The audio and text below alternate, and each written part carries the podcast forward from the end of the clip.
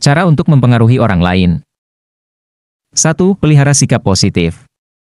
Jangan menginterpretasi sikap perlawanan sebagai hal yang bersifat pribadi. Perlawanan atau penolakan hanyalah bukti adanya kebutuhan untuk mendapatkan informasi lebih lanjut.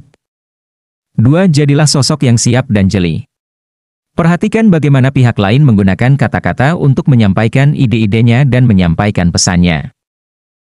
3. Tunjukkan ketertarikan dan bicaralah dengan keyakinan yang tulus. 4. Ciptakan zona aman dengan mengajukan pertanyaan, mengakui kekhawatiran, dan mengutarakan kembali sudut pandang pihak lain yang kita tangkap. 5. Temukan hal yang positif dan kembangkan.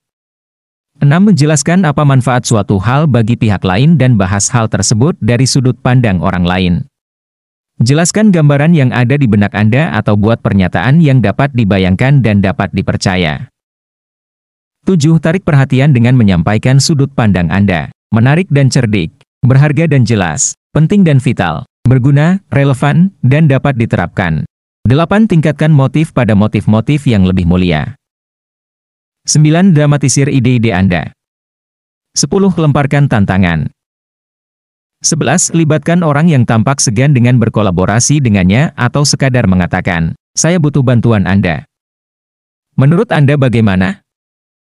Mari kita coba dan lihat bagaimana hasilnya. 12. Minta dukungan dan sepakati.